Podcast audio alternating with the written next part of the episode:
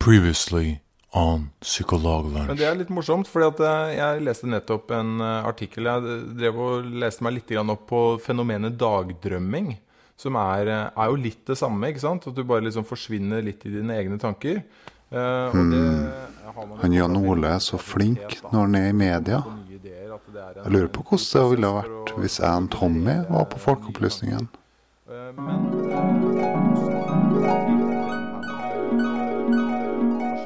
dag, dette er Andreas Wahl fra Folkeopplysningen. Vi lager et program om alternativ behandling sett fra et vitenskapelig syn, og så er vi veldig nysgjerrig på hvordan en homeopat jobber. Det var ingen som sa at vi skulle fære og intervjue dem. Det får du søren meg gjøre sjøl, altså. Vi snakkes, vi.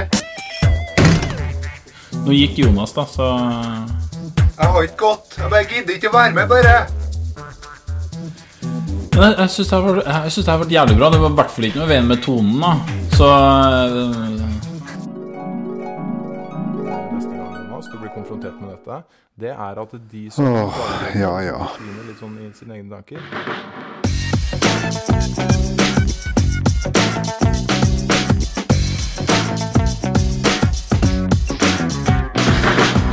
Du hører på Psykologlunsj, populærvitenskapelig lunsjprat med psykologene Tommy, Jonas og Jan Ole. Ok, gutta. Da er vi klar til en ny episode med Psykologlunsj. I dag eh, har jeg med meg Jonas. Hallais, ja. Ja. Og så har vi Jan Ole. Hallo, hallo. Og så heter jeg Tommy. Og det er egentlig det samme tre som eh, bruker å være her, da. Men det er nå så. Ehm, I dag så skal vi eh, ta for oss noen Eh, Tommy, Tommy. Ja. Uh, før du tar uh, og sier hva vi skal gjøre i dag, så har jeg lyst til å ta et lite tilbakeblikk på forrige episode. Ok. Bare et veldig lite et. Fordi det som skjer noen ganger når vi sitter og lager den podkasten er at det skjer noe i de husene vi befinner oss i, og så må vi gjøre noe. F.eks. skrikende unger, da. Som skjedde meg sist. Eh, det som også skjer, er at mikrofonen blir værende på mens vi gjør det. Eh, og det var jo jeg som redigerte forrige episode, og da hørte jo jeg litt hva som skjedde mens, eh, mens jeg var borte for å ta med han unge. Så det jeg tenkte jeg skulle gjøre nå, er at jeg skal spille et lite klipp for dere av hva som skjedde mens jeg var borte. Oh no, you didn't. Tilbakeblikk.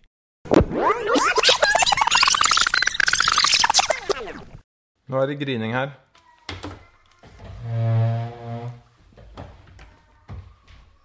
Jan Ole, Jan Ole, Jan Ole, Jan Ole, Jan Ole, Jan Ole, Han har vært på Ole. Folkeopplysningen.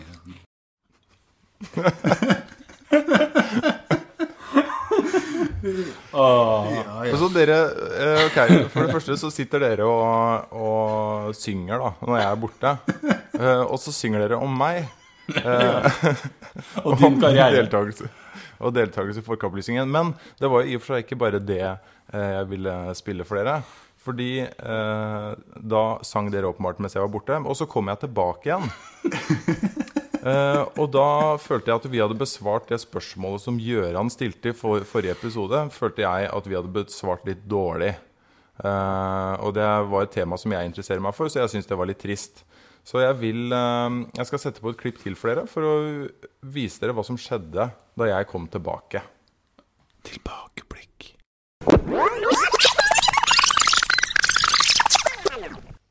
Jo. Skal vi Vi kjører bare på. Jeg følte at det ble litt sånn stemoderlig behandling av uh, priming, men uh... Og så datt den på ræva.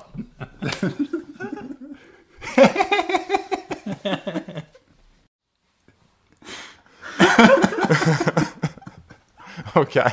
ok Her prøver jeg å være forholdsvis seriøs. Vi snakker om et, eh, en veldig viktig eh, psykologisk effekt, og så, og så ler dere bare av meg når jeg kommer tilbake. Du får aldri, aldri, aldri redigere igjen, Jan Ole.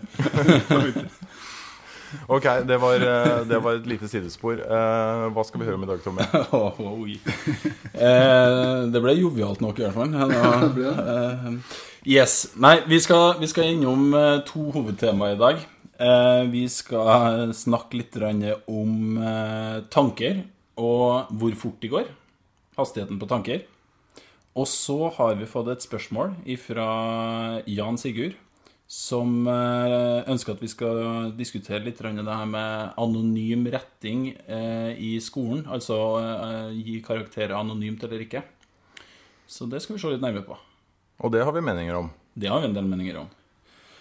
Men først Hvor fort går en tanke? Og du, Jan Ole, Ja. du, du har vært eh, Du har stukket fram nesen din igjen.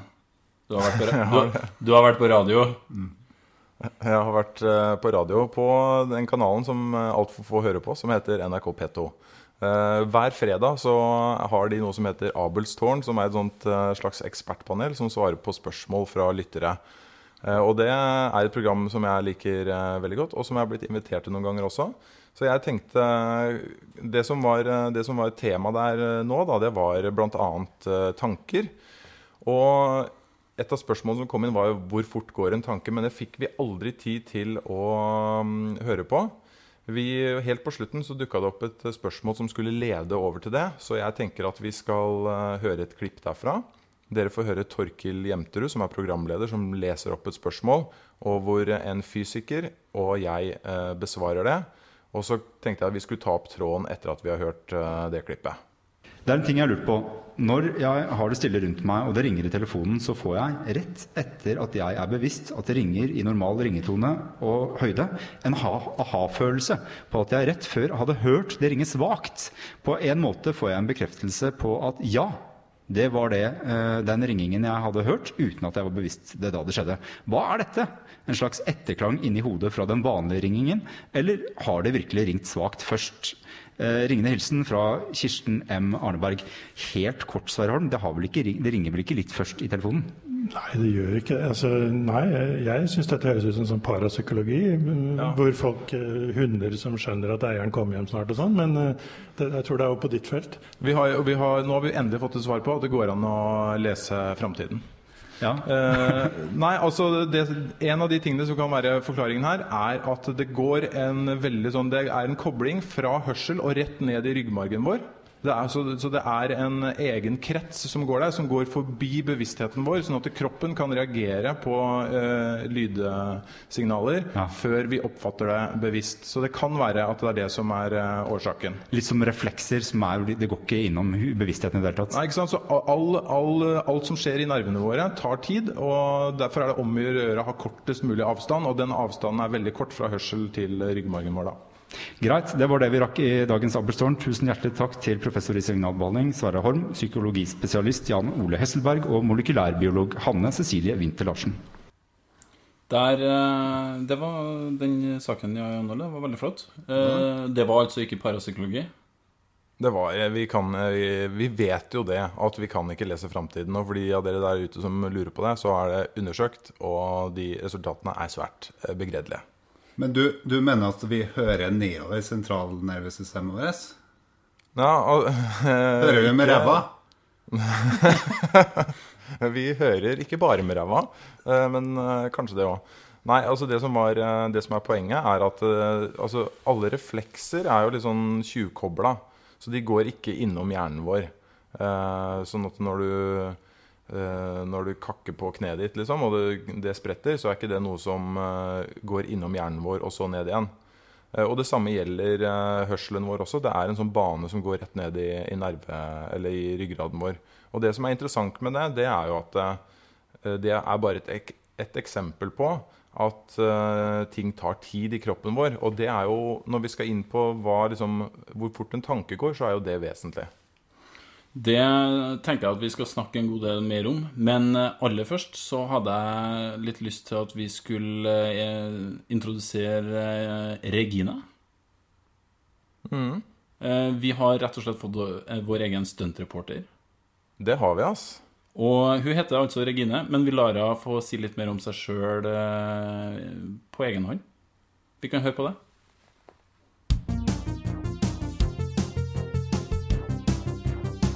Hei, hei. Regine heter jeg. 22 år. Jeg er en psykologistudent ved NTNU i Trondheim. Åh, jeg koser meg på dette studiet, spesielt når jeg får lov til å stille andre studenter overraskende spørsmål. hvis du har lyst til å vite mer om meg, så kan jeg nevne at jeg faktisk eh, både kan synge og snakke med munnen igjen.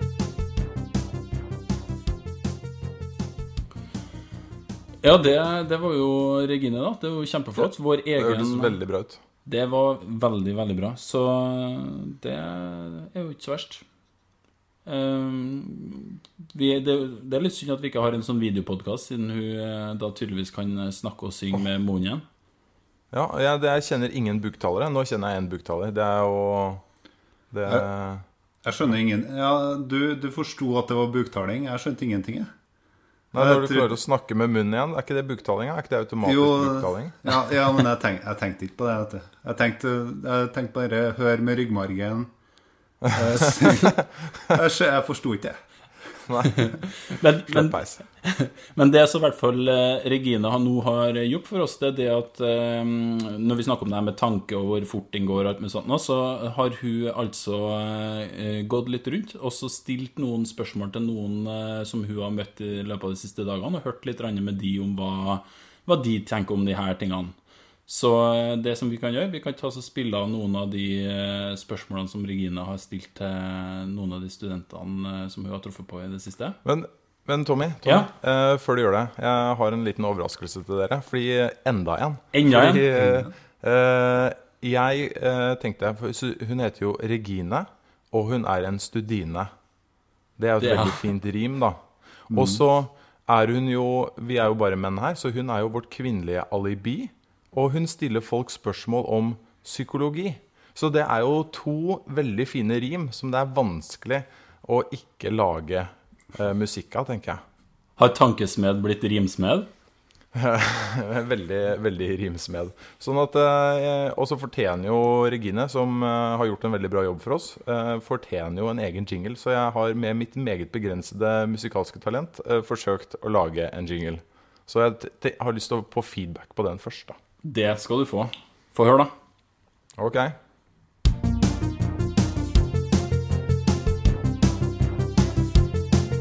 Studine, Regine, Regine, Studine. Hun er vår kvinnelige alibi. Studine, Regine, Regine, Studine. Hun på spørsmål om psykologi.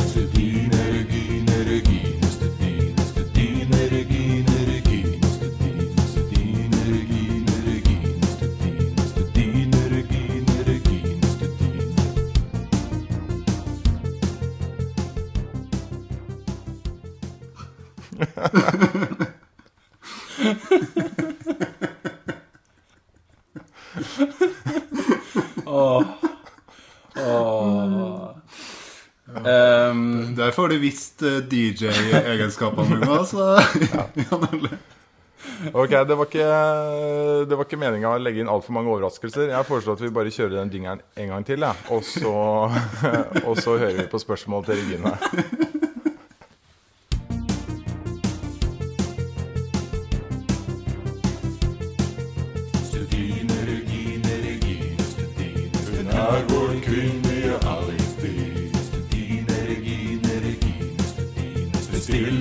Studine.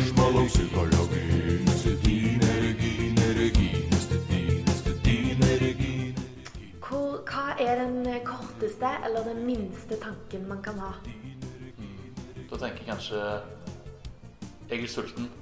Og så får jeg den tanken, og så forplanter det seg i kroppen. Hva, hva mener du at er den, eh, den korteste eller den minste tanken man kan ha? Nei, den korteste tanken eh, Jeg tenker hvis du blir veldig, veldig overrasket, og ting kommer som et sjokk, da tenker jeg det er veldig korte tanker. Hva er den minste eller den korteste tanken man kan ha?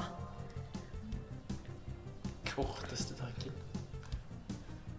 Tenker du Ja. Ja. Hvis du tenker ja, det er den korteste tanken du kan ha. Ja, det tror jeg. En kort tanke Jeg vet ikke, litt sånn sulten. det er kanskje en veldig kort tanke. Du slår jo veldig fort, ja. det er sånn. Tusen takk skal du ha. Det var bare hyggelig. Ja, det var hva folk trodde eh, hva de mener er den korteste tanken. Og det var jo en del eh, lange tanker. Folk er åpenbart mye sultne. Men det er de. De er veldig de er opptatt av det. Men uh, korte tanker, det var hva, hva, er du, hva, hva tenker du om det, Jan Ole? Hva, en, hva kan en kort tanke være? Nei, altså 'jeg er sulten', altså formulert på den måten, det er i hvert fall ikke den korteste tanken. Nei, den er ganske da lang. vil jo 'jeg er' er kortere, og bare 'jeg' er kortere. Ja, så- Eh, så det må jo bare være en sånn, en sånn eh, følelse. Sånn Ja, Ja, nettopp. eller, eller hvis jeg er sulten, så må det være Mat! Ja. Sant? Eller eh, den tanken som kommer rett etter den tanken, som er 'nå'! Ja. ja. Så dere er inne på noe. Eh, men har dere tenkt litt over altså For du var, var jo litt innpå eh, det der med mm, at ting tar tid. Altså det her med det nervene og refleksene og alt mulig sånt. Nå, det er jo åpenbart at det er, det er noe lag eller noen forsinkelser i systemet her, da. Det, og det har det jo Det er faktisk sånn at eh, deler av samfunnet vårt har tatt hensyn til den laggen. Ja vel? Eh, for de av dere som er sportsinteressert, som jeg vet eh, Tommy ikke er Men Nei. Jonas er litt sportsinteressert. Yes. Han er det. Eh, og på friidrett så er det jo sånn at en tjuvstart, det er ikke hvis du starter før skuddet har gått. Det er hvis du starter eh, før det har gått eh, eh, 100 millisekunder. Oi. Sånn at det er ett tidels sekund, da.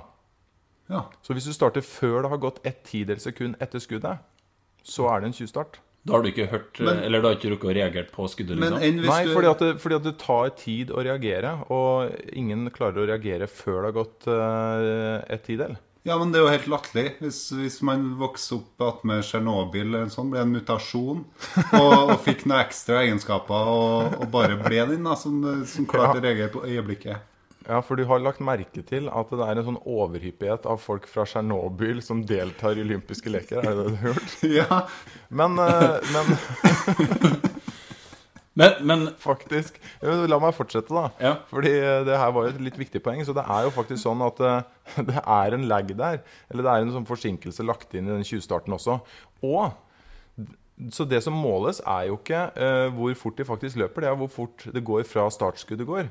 Sånn at de har jo ett tidel i på en måte bagasjen allerede når de starter. Minst. Og da, vet dere hva?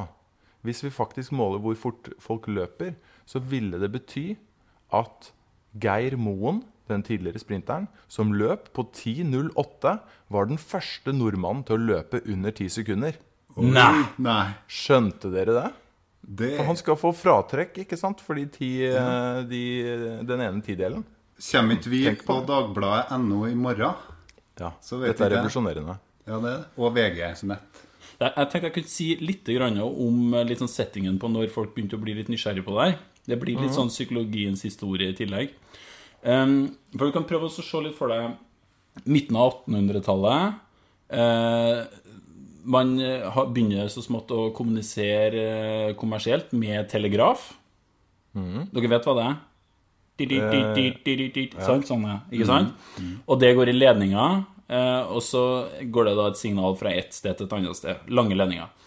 Og så oppdaga man det at det er faktisk lag, da, eller forsinkelse, i de signalene også. Altså når du trykker, når du trykker liksom det der, de der prikkene eller den lyden, så, så går Mm. det en liten stund før det er fram eh, noen kilometer eller mil eller hva det nå er unna. Og så begynte man å spekulere på Kan det her også være sånn i nervesystemet? Tenkte dere Ja. det, da? Ja. Eh, og da har vi altså en kar som eh, regner med dere husker fra eh, psykologi grunnfag. Herman von Helmholtz. Ja, Herman von Helmholtz, ja. Eh, 1950 cirka. Frosk. Og da hadde han altså en frosk som han Stikkord frosk. En frosk som han, eh, som han ga, ga, han ga En død frosk, da, tror jeg. Eller jeg er litt usikker. Men han ga i hvert fall et støt i en, eh, en nervetråd i frosken. Og så målte han på en måte Han kobla det opp mot en sånn bryter. Så målte han hvor lang tid det tok fra han ga støtet, til liksom den der, eh, den der switchen slo inn. da Og det Mhm. var eh, omtrent en tiendedels sekund. Sånn at det tok Det var ikke på en måte umiddelbar respons. Det tok litt tid fordi at eh, signalet måtte nødt til å eh, reise gjennom nervetråden. Eh, og så gjorde han også noen andre litt sånn finurlige eksperiment. Blant annet han ga, han ga noen sånne lette støt på huden til folk, og så ba han de om å liksom gi et signal, reis, vise en fi, rekke opp hånda eller noe sånt, når de merka støtet. Og så oppdaga han det at hvis du ga støtet på tåa, så tok det lengre tid enn om du hadde lenger opp på kroppen, f.eks. Og det kan man, eh, hvis man har en forelesningssal med masse folk tilgjengelig, så kan man teste ut det selv, faktisk. Eh, hvis man deler den eh, forelesningssalen i to, og så ber man den ene rekka bare holde hverandre på skuldrene. Ikke sant? Den ene siden av forelesningssalen. Holde hverandre på skuldrene. Og så ber man den andre, andre delen holde på foten til hverandre.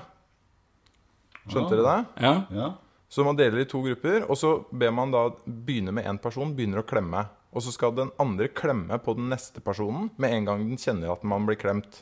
Eh, og det, det man ser da, er at det tar jo mye kortere tid for de som klemmer hverandre på skuldrene, for der er kortere vei til hjernen uh, enn hvis man uh, for de som klemmer på foten. Så da kan man faktisk se forskjellen i tid. Har du gjort det noen noe? eh, jeg har vært med på det. Ja. Eh, så det er, det er faktisk eh, en måte å teste det på. Så ting tar tid også i nervesystemet vårt. Og det som det egentlig eh, vekker en liten sånn finurlig idé, er jo det der at eh, vi lever jo faktisk Som du var inne på i stad med Game On, altså vi lever faktisk ikke i nuet. Nei. Fordi eh, idet du tar inn et sanseinntrykk, eller idet du det liksom informasjonen eller tanken har gått gjennom de her nervebanene, så har det faktisk gått litt tid. Og, og, og det er nettopp det som er grunnen til denne, denne forsinkelsen på 20-starten også, i friidretten. At det, alt tar tid. eh, og vi opplever ting aldri eh, sånn som de skjer akkurat eh, her og nå. Vi er alltid litt på etterskudd, og det er rundt regna sånn uh, ca. et eh, tiendedel, og kanskje litt grann mer også. Men eh, vi har også Vi har noen flere spørsmål eh, som Regine har eh, spurt. Eh, skal vi ta og høre litt på de først, og så kan vi diskutere det, litt, det her litt videre? Ja, for nå er vel egentlig spørsmålet er jo fortsatt hvor fort går egentlig en tanke? Mm. Vi vil, jeg vil høre litt hva Regine har funnet ut for oss om det. Hvor fort går en tanke? Oi. Ehm, hva er det som uh, løper fortest? Det er vel leoparder? Leoparder springer veldig fort. Ja. Ja, da må jeg si så fort som en leopard. Så fort som en leopard. Ja. Vet du hva? Det, det er faktisk sånn at eh, en tanke går like, like fort som en går. Fem kilometer i timen. Ok, da har du undersøkt. Oi, skeptisk? Litt skeptisk. Vet du hva? Det er faktisk eh, ledningshastigheten på noen umyeliniserte nevroner i hjernen. Ok. Jeg sier dritfort. Men Dritfort. Kan du sammenligne med noe? eh, litt sånn som en eh, rakettmotor, kanskje. Litt sånn som en rakettmotor. eh, Lysets hastighet. Jernbanetog. Lysets hastighet er litt for kjapt. er det ikke? Ja, OK. Men sånn opp mot lysets hastighet, da. Ja, vi, vi, vi snakker høye hastigheter her. Ja. Eh, Dritfort. dritfort. Jeg klarer ikke å sette fingeren på det engang. Ja. Dødsfort. Du, da kan jeg avsløre for deg at uh, det, det tar bare Altså, det tar fem kilometer i timen. Nei, kutt ut, da. Hæ? Oi, nå ble du Nå ble du overraska. Ja, det var altså eh, hvor fort en tanke går. Det var mye, folk var litt overraska over det. det. For det Ja. er ikke så fort. Nei, det, det er jo ikke så fort. Det jeg syns er veldig morsomt, er at de begge, eh, de to første der, er veldig enige om at eh, det er like fort som en leopard. Som jo ikke er sånn utprega kjent for å løpe veldig fort. Eh, Det er jo geparden. Å, bedreviter nerd. Jan Ole. Oi, oi, er oi. Jeg vil Det er bare søk- si det er er søknad, først du. og fremst Hysj. Det her er søknad for dere Hærland og hva heter han, Lyngbøs Big Bang. Du skal sitte der sånn i panelet sammen med en Andreas Wahl og Og høna Turid. og høna Turid. Ja, det er så jævlig. Hæ? Eh, Men det jeg har lyst til å si at leopard, leoparden er jo først og fremst kjent for å være veldig veldig sterk og slepe med seg veldig tunge bytter opp i treet. Ok, det var eh, mitt lille innspill der. Så, takk til deg. Men, men altså, litt alvor igjen. Fem kilometer i timen? En umyelinisert eh, Et umyelinisert nevron, det må du forklare litt mer, Jan Olav. Hva er det? Ja, ok. Altså i, uh, i uh, kroppen vår så har vi uh, noen forskjellige typer nevroner. Skal ikke gå inn på alle her, men en forskjell mellom noen av dem er at eh, det er noen som har såkalte myelinkjeder på aksonet sitt, altså den enden der hvor signalene går gjennom. Og så er det noen som ikke har sånne myelinkjeder. Og de, det laget, da, dette myelinet, som er vel protein, det sørger for at det går ekstra fort den, eh, gjennom eh, nevronet. Og det er det eh, lite av. altså Det er veldig mange umyeliniserte eh, nevroner oppi hjernen vår. Og de har en topphastighet på rundt eh, to eh, meter per sekund, som tilsvarer ca. 7 km i timen. Sånn at det er faktisk en sånn hastighetsbegrensning som, eh, som ligger der. Det kan ikke gå fortere enn det. Um, apropos myelinkjeder, så er det jo eh, det myelinet som blir skadet når folk får MS. Eh, sånn at det, det forvitrer på en måte rundt disse nevronene. Og det er Mm. veldig mange av de nevronene med sånn myelinkjede er det i vårt perife nervesystem, altså det som kontrollerer mye av eh, sånn muskler og sånn, i, sånn ikke i, i sentralnervesystemet vårt, altså hjernen og ryggraden.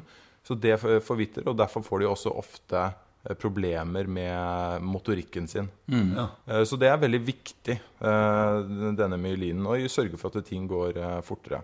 Men det er det altså ikke eh, veldig mye av i hjernen. Men ikke sant, det som likevel gjør, gjør at det her funker, er jo fordi at avstandene er veldig kort. Ja. Når vi sier fem km i timen, så det er ingen eh, nevron som er en kilometer, liksom. Det er, det, det er ikke som jeg vet om. Det er mulig du vet noe om det, som skal være med på det Big Bang-greia. Men du, er, er det faktisk sånn at hvis en Geir Moen hadde hatt litt mer myelinserte nevroner, så hadde han løpt under ti sekunder på Starta på- under eh, Ja. Starta en raskere? Ok, Det er jo et morsomt tankeeksperiment, da, men jeg vil jo tro at evolusjonen har gjort det sånn at eh, det er en kostnad ved å ha disse myelinkjedene også. Kanskje betyr det at det, hvis man hadde hatt det masse i hjernen, så hadde eh, i hodet blitt kjempestort. Nettopp. Eh, så da hadde du kanskje sett for deg eh, Jeg vet ikke om det stemmer, altså, Ja, men- men, la oss si det. Og da hadde hodet til da hadde hodet til Geir Moen blitt så svært at han hadde sikkert aldri hadde kvalifisert Ja, men du, seg. Av det- luftmotstand og sånn, ja. Det hadde vært så svært at det hadde kryssa mållinja allerede når du starta. Han hadde bare trengt å tippe hodet framover, og så løp han av seg sjøl. Tenk, ja, det kan Eller rulla i mål. ja. Nettopp. Ja, det, men det er selvfølgelig veldig plausibelt. Det syns ikke Tommy var noe artig. Jo, jeg syns det var veldig morsomt. Det var det. det var det. Men poenget, en ting som jeg syns vi skulle komme tilbake til, og bare få understreka, for at det er veldig stor forskjell på de ulike hastighetene på de ulike nevronene. Du sa at eh, det finnes veldig mange ulike nevroner som du ikke hadde lyst til å gå inn på, sjøl om du, du vet dem, sant, Jan Ole, siden du skal være med på det der. Ja. Ja, eh, fordi at eh, Sånn at hastigheten kan være ifra eh, veldig sakte Gå veldig sakte, sånn som du sier. Og så er det noen som kan gå veldig veldig kjapt. For at her, er det, her er det av og til en avveining, som du sier, med hjerne Hjernen må være liten. Egentlig, Den kan ikke være altfor stor, i hvert fall. Eh, og av og til så er det viktigere med hastighet. At, det, at nevronet får sendt signalet sitt veldig kjapt. Men, men øh, litt kort om de hastighetene. Da, for jeg, Hvis jeg ikke tar helt feil, så er vel topphastigheten på, måte, på de raskeste nevronene er rundt 100 meter per sekund. Kan godt være at det er litt unøyaktig, men det er rundt der. Uh, og det tilsvarer da 360 km i timen. Og det er jo, tenker jeg, er fortsatt ikke sånn superfort. Det er jo uh, sånn rundt halvparten av hva liksom et passasjerfly, eh, vanlig passasjerfly flyr. Sånn at, eh, det, men selvfølgelig, avstandene er veldig veldig korte, så ting går jo ganske fort. Men jeg har, eh, jeg har sett at det er en eh, forsker som heter Seth Horowitz, som er nevroviter, som, som anslår at en tanke den må du regne med at tar ca. 200 millisekunder. Altså i tid. Fra Og det, det kan man faktisk teste da, ved å liksom sette folk i en situasjon hvor de, hvor de sier Hvor de selv får bestemme når de skal eh, gjøre noe. Eller si at de, du får beskjed, f.eks. Du kan velge når du vil si 'nå'. Og så sitter folk og gjør det om og om igjen.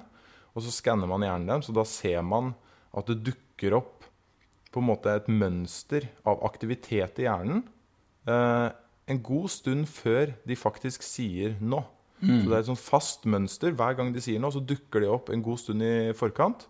Og så tar det litt tid før de sier noe, men eh, forskere kan da liksom eh, til en viss grad i alle fall forutsi når de kommer til å si noe. Men det kan jo hende at det er sånn Åh, nå skal han gjøken sjekke at jeg sier noe igjen. Det er Ja. den tanken som dukker opp først. og Så er nå. Sant? Du får jo en aktivering først. Du skal bare undergrave all forskninga di. Og så latterliggjør du sånne presiseringer som gepard og leopard. Og... Men så hvis vi skal oppsummere veldig kjapt Tanke, ikke så veldig kjapp. Går ganske tregt. Og ikke minst, vi lever egentlig aldri i nuet. Vi er litt på etterskudd. Det er dype greier. Det er skikkelig dype greier. Skikkelig dype greier. Men dere, vet du hva? Vi skal faktisk ta oss og gå over til det spørsmålet vi har fått innsendt i, til dagens sending. Eh, Det som ett av de vi har valgt. Og det er fra Jan Sigurd. Hei, gutter. Jeg sitter her med en artikkel foran meg der to unge lærere har valgt å frata sine stillinger i skolen. Blant annet er dette av det de opplever som mistillit fra politikere. Saken er nemlig slik at kommunen krever at skolen skal gjennomføre anonyme prøver. Altså at læreren ikke selv skal vite hvilken elev sin prøve de retter, og siden blir påvirket av dette i sin vurdering. Det virker som mange i skolen opplever dette som veldig sårende. Men er det ikke slik at tankene om anonym retting ikke handler om mistillit til lærere, men heller er en konsekvens av godt begrunnet kunnskap om vår alles irrasjonalitet, og hvor lett vi lar det subjektive ta overhånd til tross for gode intensjoner? Ifølge Daniel Kahneman er det nesten i praksis umulig å unngå at de subjektive følelsene våre farger avgjørelser, uansett hvor forsiktige vi er. Man er vel ikke en dårlig lærer selv om man aksepterer at det er vanskelig å være nøytral? Man er vel ikke en dårlig lærer fordi man aksepterer at det er vanskelig å være nøytral. Han, eh, han refererer jo til Daniel Kahneman, det er jeg veldig glad i. eh, som er en psykolog som vant Nobelprisen i, i økonomi. Uh, også det faktum at han, uh, han drar fram litt grann, uh, forskning på dette at vi aldri er subjektive, og at han understreker det faktum at det handler ikke om å, at, å skape mistillit eh, for disse lærerne. Mm.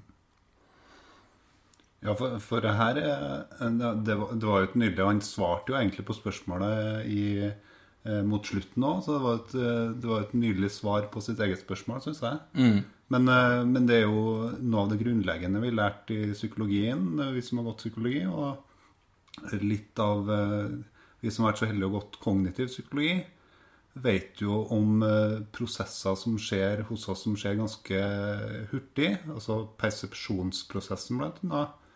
Det at vi, hvordan vi tolker, eller hvordan vi omkoder det vi får gjennom sanseapparatet vårt. Og hvordan vi skaper mening ut av det, og hvor, hvor mye av de prosessene som skjer ganske automatisk. Mm. Vi har noe som heter selektiv persepsjon.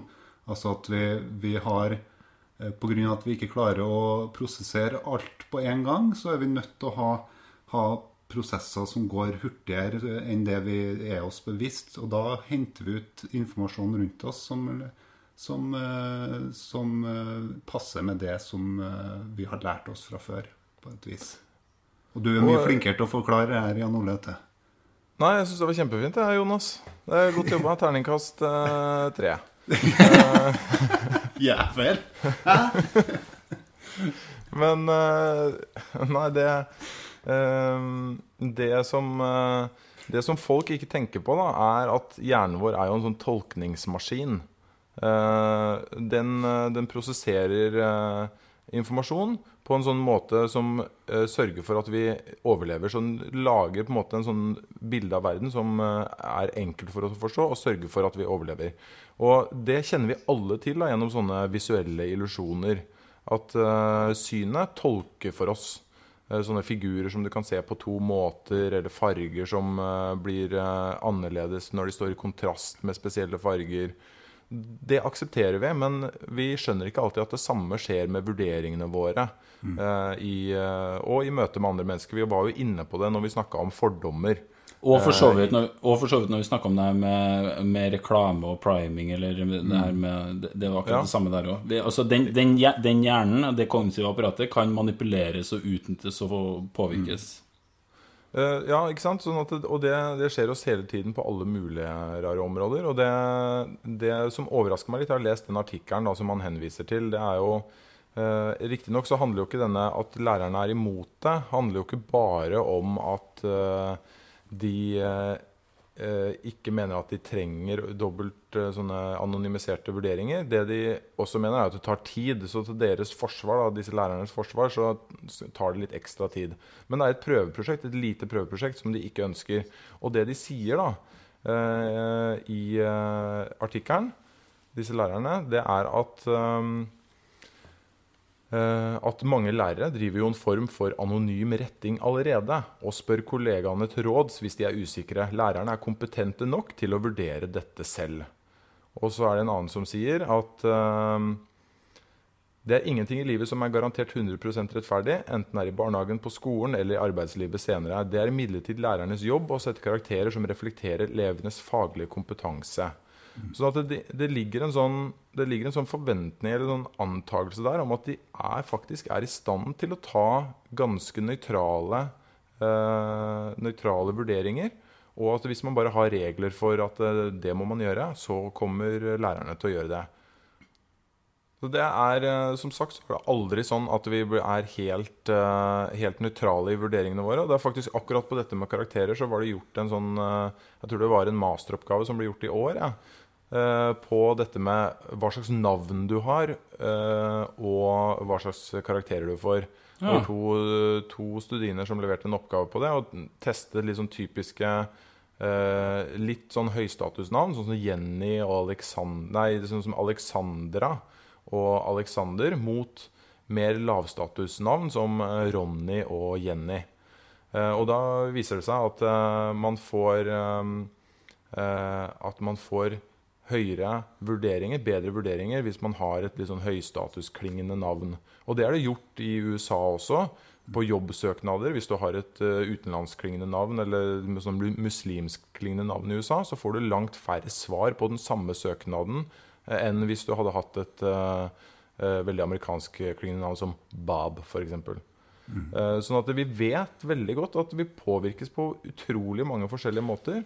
Og det gjelder, det gjelder jo oss psykologer, f.eks. når vi setter diagnoser, og, og da også lærere når de setter karakterer. Ja, ja for, for vi hever ikke oss over at vi Når vi gikk gjennom psykologistudiet, så var det ikke sånn at vi tenkte at vi kom til å bli veldig fleksible og gode på det her og kunne overstyre hver enkelt prosess i hjernen vår. Nei, virk- eh, Nei, men, men, men, men at man kanskje heller i hvert fall er klar over det. Det er jo det Ja. som er greia. At du må være Mm. klar over at også din hjerne er objekt for de, samme tankefeilene eller de samme kortslutningene. Og det er jo litt sånn smertefullt, da. At, og, og, for hvis man tar det på seg, altså hvis man tenker at det er her eh, Hvis man da har en annen oppfatning av hvordan, eh, hvordan man egentlig fungerer, og man tenker at man er ganske rasjonell og sånn, så, så skjønner jeg jo at det automatiske ryggmargsrefleksen sier jo at eh, nei, jeg er ikke sånn.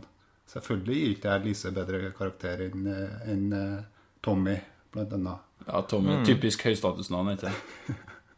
Nei, og eh, Jeg kom på en annen ting også, forresten. Det, på 70-tallet så var det veldig veldig få kvinnelige eh, musikere i sånne store symfoniorkestre i verden. Og det de begynte med der, som gjorde, som de har konkludert med at det gjorde at andelen øk, økte veldig, det var å begynne med blinda auditions.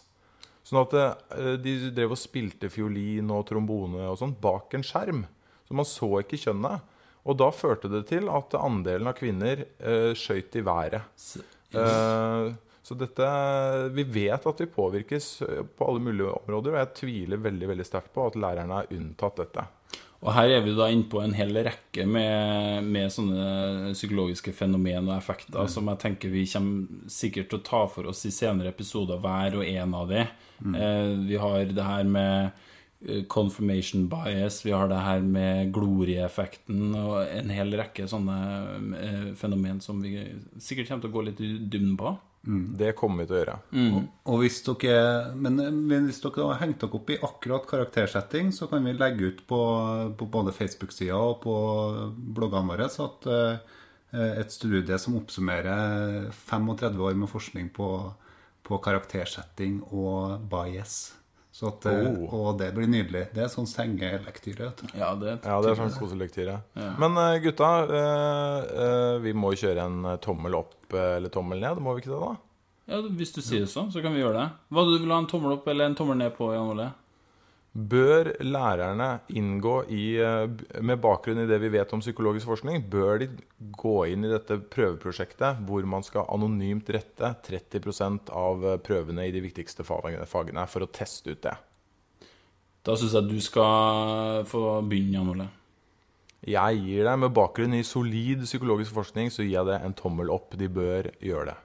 Jonas? Det er tommel opp fra meg òg, selvfølgelig. Jeg støtter den, absolutt. Uten tvil. Så Psykologlunsj har bestemt at uh, de i dette tilfellet bør gjennomføre det prøveprosjektet. Og da blir det vel sånn?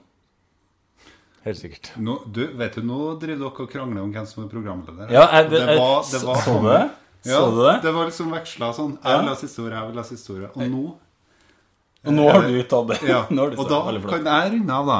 Ok, og da sier vi takk for i kveld. Eh, det, fra, her, det, det er Takk for, takk for lunsjen. Takk for i dag. Takk for lunsjen, ja. Det, dem som var med dere i dag, var, var Tommy Mangerud, Jonas Våg og selve agurken på leverposteibrødskiva, Jan Ole Hesselberg. Og ha fortsatt en trivelig dag.